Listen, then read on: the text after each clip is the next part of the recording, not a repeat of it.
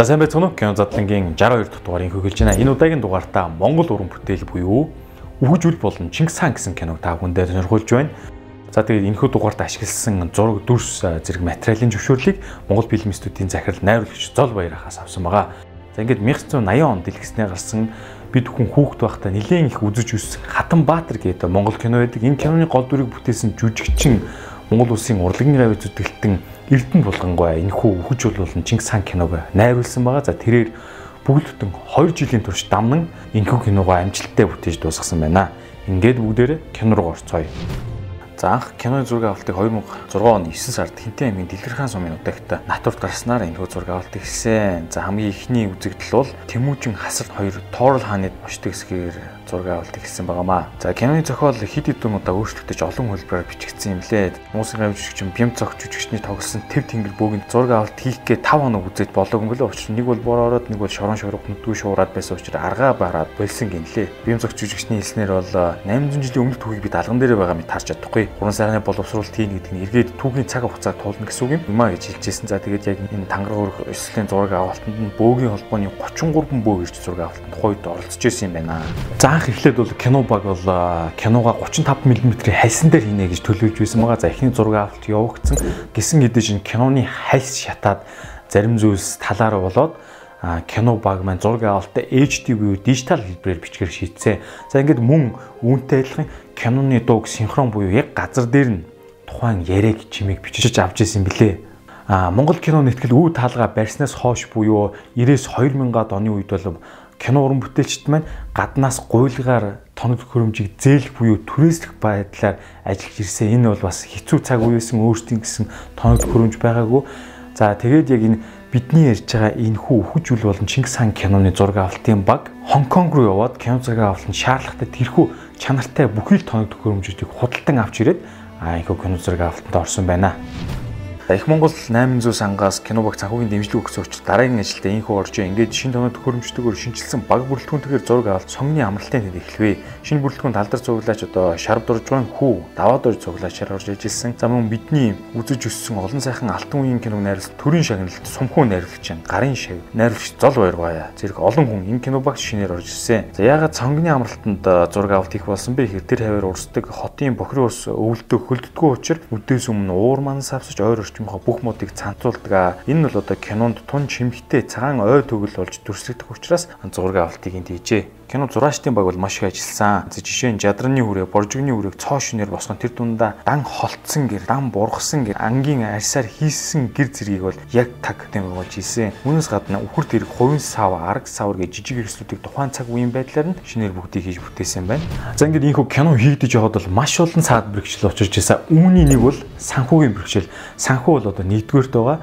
За тийм учраас кино баг болон найруулагчдын баг гэсэн тухай бүрдэн дор бүрд энэ хүнийг шийдэх гээд ажиллаж исэн юм байна. Ямар санда кинонтой холбоотой бүхий л франчайзуудыг бол зарж борлуулжсэн байгаа. Франчайз гэдэг нь одоо зураг хөрөг, CD, зарим бичлэг, хувцс хэрэглэл, жүжигчтэй зураг авахлах гэх мэт бүхий л арга хэмжээ гэлж бол энэ арга хэмжээ болгоныгоо улсын баяр наадмын дараа болон бусад дархан эрдэнэт хотууд хөдөө орон нутгаа мөн Улаанбаатар хотын төв талбай дээр гэх мэтлэн олон байдлаар зохион байгуулж ижээ. За тэгээд э, өдөр ирэх тусам санхүүгийн байдал хүндрээд хүмүүсийн цалин хөлсөө нэгэх нь бол даймжиж ирсэн тухай бүрд нь найруулагч продюсеруудын баг маань гаргалгаа шийдэл болохоор тун шаргуу ажиллаж ижээ. За яг энэ твдэж явах үед Гачуурд компани хүм машин техник санхүү гээд олон зүйлээр дэмжлэг өгч кино баг маань 2007 оны 7 сард Сэлэн аймаг хоёр дахь шинжилсэн зураг авалт та инхүү дахин гарчээ. Ингээд өгчүүл болно. Чингис хаан уг кинонд маань их Монгол 800 сан Гачуурд компани үүнээс гадна хандив өгсөн 2000 гаруй хувь хүн гээд нийтдээ 1 тэрбум гаруй төгрөг зардал гарсан. За үүнээс гадна мөнгөн бус хандив нэлээд их орж ирсэн. Жишээ нь шагаа зөвлөдөг хүмүүс уут утаар нь шагаа өгч байсан. За зарим нь азар гадуу ном, тоф товч, сүү, цагаан эдэгээ зөндөө дүрсүүдийг хувь хүмүүс монголчууд таньдуулсан ажээ. Үгж үл болон Чингис хаан кинонд Монголын сайхан үзэсгэлэнт байгууллагыг оруулна гэдэг нийтдүгээр найруулагч Зол баяраар ахалсан баг баруун аймагуудаар явж хамгийн өвөрмөс тогтсон үзэсгэлэнт газруудаар очин зураг алтуудаа хийсэн юм. За энэ кинон дээр яаж гардаг вэ гэхээр киноны төгсгөл Тэмүүжин их Монгол улсын Чингис хаанд өргөмжилснийг зар түгээд алтан гэрэгтэй улаач зүг бүр дахиж байгаа зургийг авахдаа их орныхоо байгалийн сайхныг харуулахар шийдсэн маа гэж найруулагч Зол баяр ахалж ирсэн. Та бүхэн зурагнаас Монголын сайхан байгууллагын зарим хэсэг болох Үнчин хавцал, Дөргөн нөөр, Лястан ам, Хүйтэн тулааны бэлчээр, Улаан ирэг, Нарийн гол, за Хөх дов, Бүрэгдийн хавцал ийхүү байгалийн тогтцоодыг харж байна. За мөн бүх зураг авалтын баг Бурхан халдан ууланд зураг авалт хийгээд Сүхбаатар аймагт очин түмэн зээрийн зураг авалт хийндэ гэж бодож явтал тухай тэднээс урьдтай тулгаан анчидгүүдээ ол цайсан нөхдүүдхөө буундуу тавьж зээрийн сүргийг талаар нэг тараагаад хайчихсан байжээ. За энэ бол маш харамсалтай явдал. Нэгэнт ингэж цочор авч эмзэглсэн зээрийн сүрэг бол дахин бөөнөрөө цугларч сүргэлэн яваа нь харагдах нь бол тун ховор бичлэг хийх гээд дөнгөж ойр тунгуудал машины бараа хараал цогтож исэн энэ бол одоо ингээд өмнөх төр тулгаан анчдын балгаар ийм сэв суусан гэсэн. За тэгээд арга буюу мухарцсан зураг авалтын баг ботсон байна. За найруулагчийн баг бол нийтдээ 8 үнэтэй тэд натур гарах юм зураг авалтыг өдөр бүрийн нарийн төлөвөө гаргадаг. Хүн харахад энгийн нэг бичиг цаасны ажил боловч цаанаа тун нарийн ажил байдаг. За жишээ нь зураг авалтанд ямар зургаар хэлж, ямар зургаар дуусах, ямар жүжигчин хизээ, ямар зурганд орохоос гадна хичнээн тооны мал амтан хэрэгтэй. За тэгээд цаашлаад мэрэгд өв, боржгнөө, ямар аймгийн цэргүүд зурганд орох гэх мэт бүгдийг тоош хэрэгтэй нарийн тооцсон бич төлөвлөдөг байна. Энэ төлөвлөгөөний дагуу дараа дараагийн багууд ажилдаа орно. Жишээ нь хувцсны нэр тухайн өдөр тохируулан ямар хувцс бэлдэж дэх мөн зураачд ямар ахуйг бий болгох зэрэг бэлтгэлээ хангаж шийддэг байна. За тэгээ бас нэг таагүй мэдээг бол яг зураг авалт өрнөж байх үеэр киноны их зохиолч Сорогдогийн жаргал сайхан гой бурхан болсон байна. Тэрээр бол одоо улсын драм эрдмийн чатын тайснаа тавигдсан олон жүжигүүдэрээ бидэнд танигдсан. За ингээд та хүндээ кино группийн нэг өдрийн ажил хэрхэн ундардаг талаар нэг маш товчхон дурдъя. Дөнгөж нар мандахтай зэрэгцээд дор зүрх найрлагч 30 гэр бүхий кино натурыг сэрээ тэмээн чанга дугаар бүгдийг нь босгодог. За үүний араас ган болд ган зөриг найрлагч нар хүн бүрийг шавдуулж хурдуулдаг. Энэ яаж нэхэр өдрийн нар богино тийм учраас зураг авалтыг ахиу хэмжээнд их ажил амжуулахад хүн бүрийг ингэж шавдуулж хурдлуулдаг байсан гэж хэлээ. Ийм учраас. За тэгээд дээрэс нь хамгийн түрүүнд жүжигч нүүр худалтай хийх нь энэ хооронд нь зураач зургийн талбайгаа бэлэн болгохын сацуу хувцсныхан бас жижиг хэрэгслээ бэлтнэ. Ингэх зур нь зохион байгуулагчид морь малаа сойж барьж ирээд зургийн талбайд бэлэн болгодог.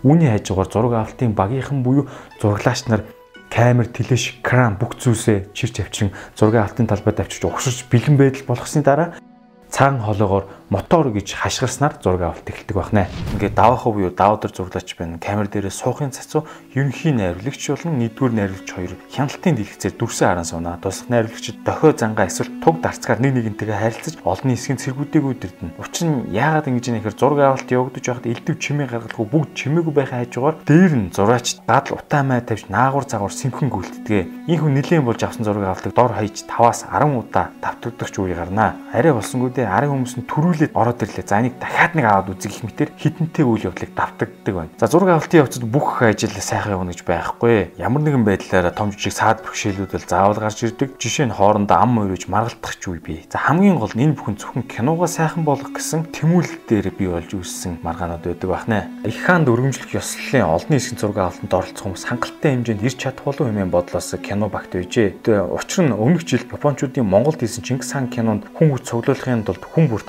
100000 мянган төгрөг өгнө гэсэн зар тааж байсан. За энэ удаад бол монголчууд өөрсдөө хийж байгаа учраас кинонд юу мөнгө өгөх нь бүвэл хоол ундаа өөрсдөө зохицуулаад ирээч гэж тийм гуйл тавьсан юм билээ. За тэгээд ийхүү 2007 оны 8 сарын 25-ны тэр нэгэн өглөө Дархан, Орхон аймагуд замун зарим сумдаас театрын ажилчид за үйлдвэр онцгой байдал залуучуудын холбоо, спорт зохицолбор, засаг захиргаа алдан гэх мэт маш олон байгууллагуудын нүсэр бүрэлдэхүүн бууж ирснээр ийхүү кино багийн сэтгэл санааг сайхан амраасан байна. Энэ олон хүн цугсны маргааш нь 700 хүнтэй зураг авалт ингэж эхэлжээ. Уул нь нийтдээ бол 1500 хүн ирсэн ч сэтгэл нь хөдлөө тэр оройд жоохон тагшим хөндөрсөн болтой дгөө. За тэгээд довцог толгойг бүтэн хүнээр бүрхүүлэн зогсоох байсан ч одоо хүн дутуу өрсөн учраас ирсэн байгаа хүмүүсээ нааш цааш нь алхуулж нөхөд зураг авсаар бүтэн өдрийг үджээ. За мэдээж компьютер график орсон энэ компьютер графикаар хүмүүсийг наан цаана илүү олон болгож өсгөж харагдуулж байгаа. За энэ хүү компьютер графикийг бол тансаг график хийсэн байгаа. За киноны үндсэн натур болсон Сэлэнг аймгийн баруун бүрэн гэж байгалийн их сайхан тогтцтой газар юм лээ. Хоорондоо эрсдэс ялгаатай болохоор ийш тийш нэх яваад байлгүй. Тэндээ гол олон зургуудыг авч чадсан юм байна. Анх бол зураг авалтыг хотын ойролцоо хийе гэж ярьжсэн боловч ерөнхий найруулагч Эрдэнэ болгонгой зүтгсээр аваад хотоос 350 км-ийн зайтай энэхүү байгалийн сайхан тогтцтой газрыг олж энэ зураг авалтаа ихээр шийдэжээ. Энэ ч гэсэн маш оновчтой шийдэл болсон юм билээ. За кино баг бол ингээд нийтдээ байнгын 150 зэрэгтэй байсан гэж байгаа. Энэ 150 зэрэг бол ерөнхийдөө бол баг хаан чүрхгүй зураг авалтыг кино ингээд дэлгэцээр харах юм бол нэг болонд цөөхөн хэдэн зэрэг харагдчихсан гэж байгаа. За тийм учраас байгаа боломжтой тулгуурлаад энэ зэргүүдэд наан цаана оруулаад ингэж сөөлж аваад эвлүүлээд киногаа дуусгасан ба. За тэгээд анх бол кино баг маань батлан хамгаалах яамд бол 500 морьтон цэрэг 300 явган цэрэг гаргаж өгөөч гэсэн тийм хүсэлтийг тавьсан юм байна. За тэгвэл энэ буу явж явж буурсаар буурсаар гоод одоогийн 150 цэргийн дээр ирсэн юм билэ. За ер нь бол кинонд орж байгаа энэ цэргүүд ахлагч офицерууд бүгд бол өдрийн цалинтай байгаа. За мөн дээр нь унлаг уншинд хэрэгжилж байгаа энэ мордууч гэсэн бүгд үнэлгээгээр өдрийн үнэлгээтэй тооцогдож явдаг. За тэгэхээр энэ бүгдийг нэг өдрөөр нь үржүүлж гарах юм бол бас баггүй өндөртэй гарна. Цэргүүд маань бас зураг авалтыг хүлээж байгаа зарим цагууд дээр бол зүгээр суугаагүй байгаамаа бас үр бүтээтэй бас энэ яаж нэхэр тэр толгойд нь өмсөж байгаа хуйг дуулга бамбаа гих мэтлэн бүх чимглүүдийн гар хурн үтсэн юм ааштай ингээ энд нь оруулаад өөрчилдөг гэсэн гэж байгаа зарим цэргүүд. Одоо ямар сайндаа зарим нэг өглөө босоод хувцсын нэр өнгөсөн гэж явжсэн чинь замд нь огт харагдаж байгаа цэргийн дуулга байсан юм л. Тэгээд бүр гайхаад хүүе энэ ч одоо ямар аймгийн овгийн цэргийн малгай гараад ирвэ бид нэр огт харж байгаа юм гэсэн чинь яг үндэ тэр зураг авалтын зарим чөлөө цагаар сууж исэн цэргүүд нь тэр малган дээр байгаа тэр тав руу чимэглэн тэр солонгуудаа хуулж ангуудаа өөр цэргийн малган дээр наах юм ийм байдлаар өөрчлөөд зарим тэр нэг дил сүүлэн штэ чимэглэл тэр мэрийг бүр илүү урт мурт болгож болоод ингээд засаад байсан гэж байгаа. Тэгээ энэ бол одоо цэргүүдийн бас цагийг хэрхэн үр бүтээлтэй өнгөрөөснийг харуулж байна гар нутцсан юм шиг нөтөд бас зүгээр суугаагүй л ахна. За ингээд хувцсны ярав шөндөө бүгдийг засаж янзлаад өглөөд бэлэн болгоод 150 зэрэгэ хувцлахаас гадна өөр аймгийн цэргүүдийн хувцсыг давхар ачааны машин дээр ачаад зургийн талбай явдаг гэсэн гэж хэллээ. Мөн нэг цэрэг өдөрт доотлол нь хамгийн багадаа шүү дээ 3 удаа хувцас солилдог байсан гэж байгаа. Өөр өөр аймагуудын цэргүүд болон хувирна гэсэн үг. За мөн хэрээд чадрааны их цэргүүдийн цуваа ирж байгаа хэсэг кинонд ердөө хэдхэн секунд л гардаг. За гэсэн ч уг зургийг авахын тулд хэдэн өдөр болсон гэж байгаа. Учир нь өнөөх 150 зэрэгэ 3 км-ийн цаанаас хэд хэдэн өд нааш тааш нь дахин дахин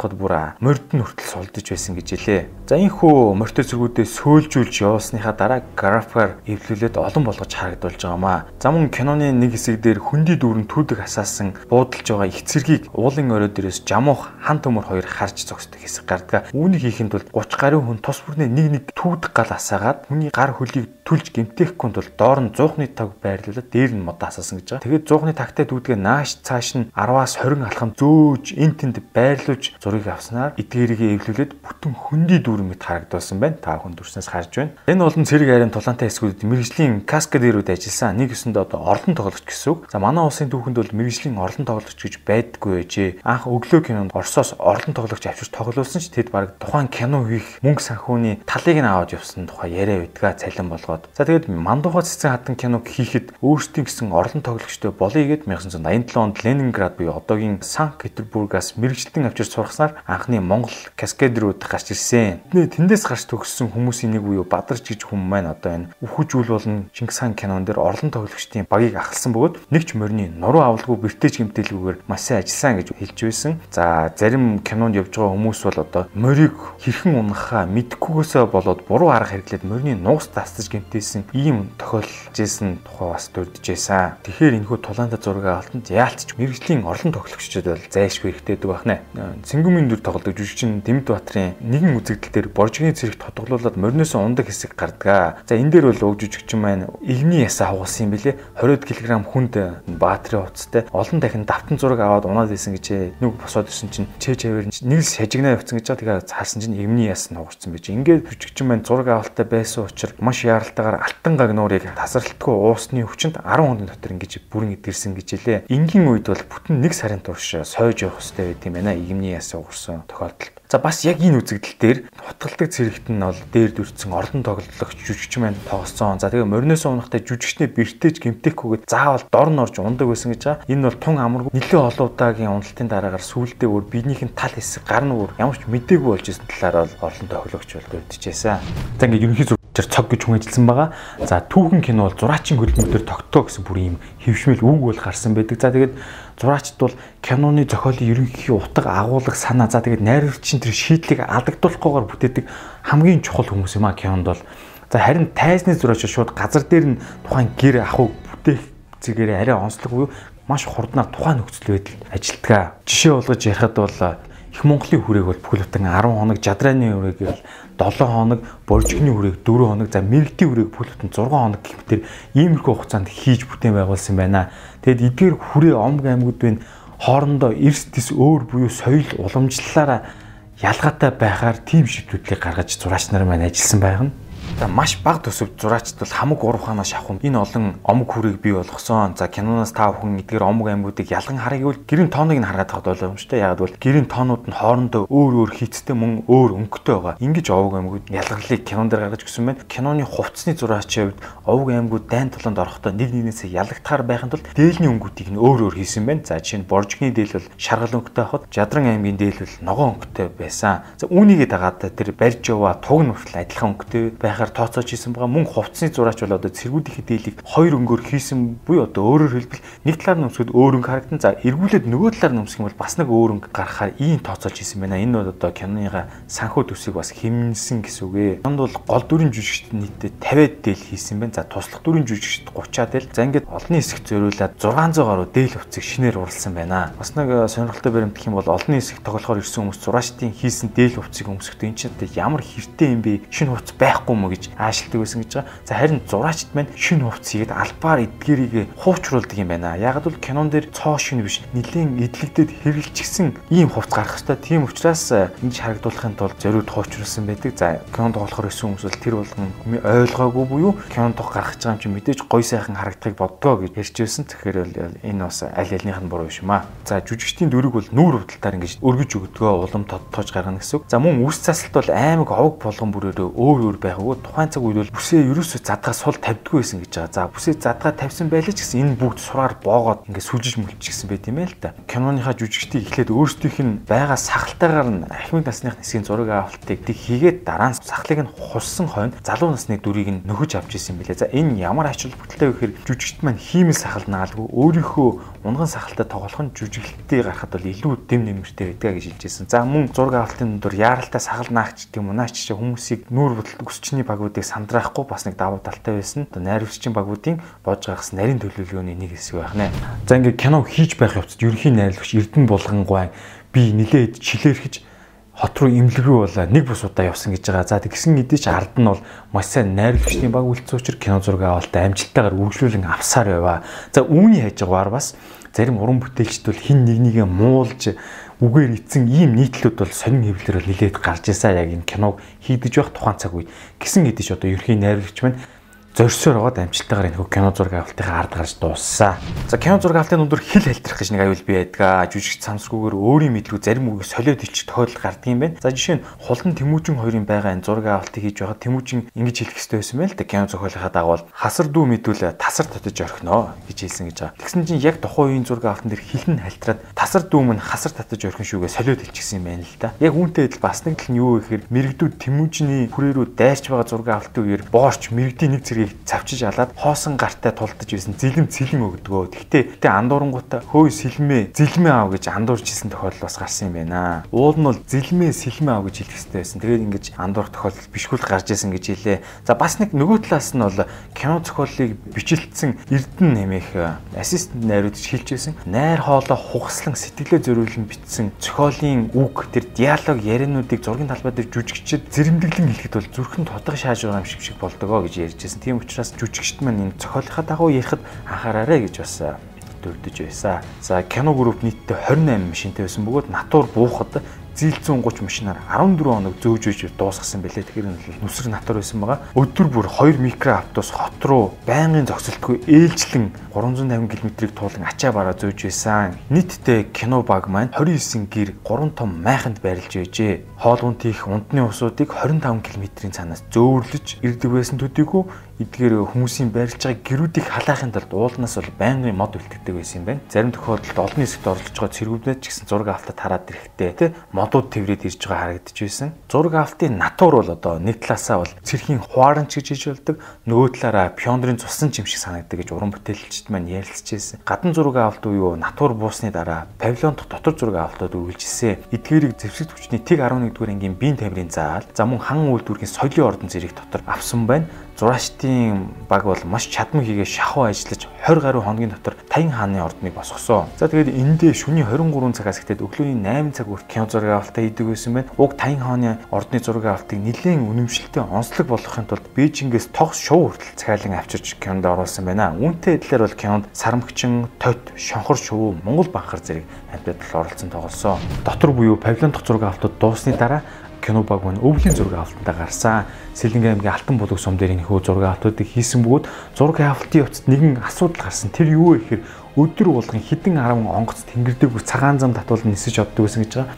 За тэгээд энэ яагаад проблем асуудал болж нэхэр тухайн үед дууг бол синхрон газар дээр наавуудыг бичиж авчихсан. Тийм учраас онгоцны дуу киноны зураг авалтанд ороод байсан учраас онгоц нисхийг хүлээж байсан. Энэ бол нэлийн төвөгтэй байсан гэж байгаа ямар төвөг нөхөр нэгдүгээр өвлийн нар маш богино. Тэгэхээр цаг давч юу гэсэн. Дээр нь гата хас 30 эмийн хүүтэнд. Тэгэхээр энэ зураг авалтыг хийхин тулд хүлээгээс эхлээд бол нэгэн ачаалттай буюу хэцүү бэрхшээл болж исэн юм байна.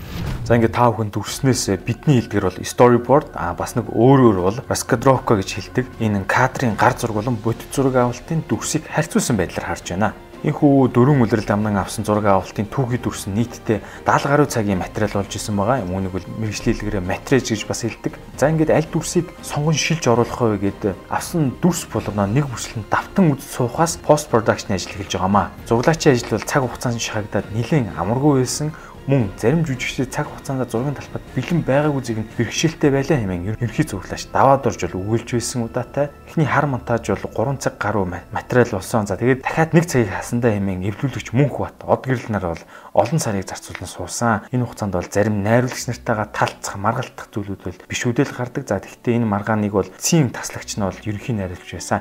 Энэ дүрсийг оруулнаа, энэ дүрсийг оруулахгүй гэдэг дээр бол бас хөөхөн тэмцэл өрнөд авж байгаа. Тэгээд эвлүүлэг хийж байгаа байранд бол нэмэлтээр Монгол гэрийг барьсан. Учир нь гэхээр зарим нэг ам барих киноны нэмэлт чимэг дуу шум оруулалтыг хийхдээ яг тухайн орчинд байгаа юм шиг бичиж байгаа гэсэн үг. За Монгол гэр бол хамгийн сайн акустиктэй орчин бөгөөд энэ дуу бичлэгийг маш тохиромжтой байсан юм лээ. За ингээ киноны хөгжим 2008 оны 4 сарын 14-нд Монголын радиогийн цагаан лава студид эхэлсэн. Туулайхуу өдөрдөөчаар өдөрдүүлсэн морин хурын чулга бүрэн бүрэлдэхүүнээрээ за дээр нь дөр бүжгийн эрдмийн чадрын найрал дуучдал хоолой нэмгийн хүү бичлэгүүдийг эхлүүлсэн.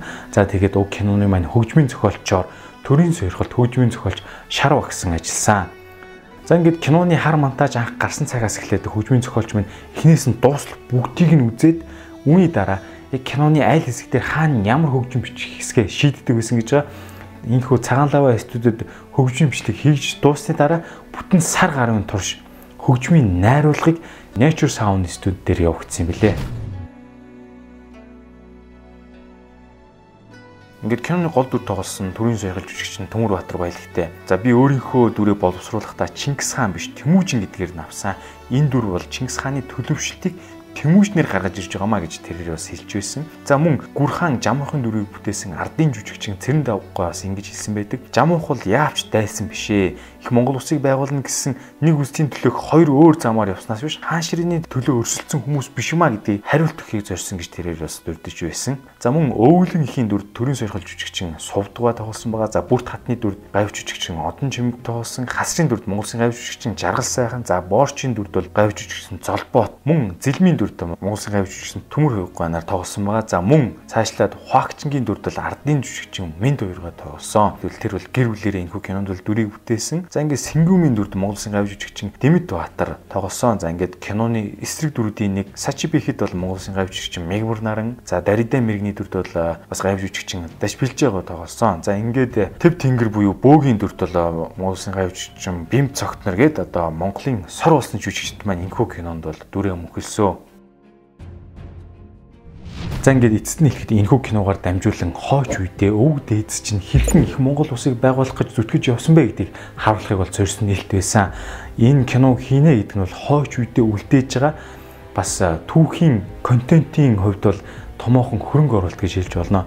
Ингээд энэхүү дугаарыг бүтээхэд бол сэтгүүлч Сумья таны ном бол гол тулгуур болж өглөө. Мөн энэхүү материалыг ашиглахыг зөвшөөрсөн кино найруулагч тэ зол баяр хахтаа бас баярлалаа.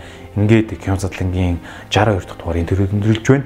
Дараагийн дугаар хүртлээ түр баяртай.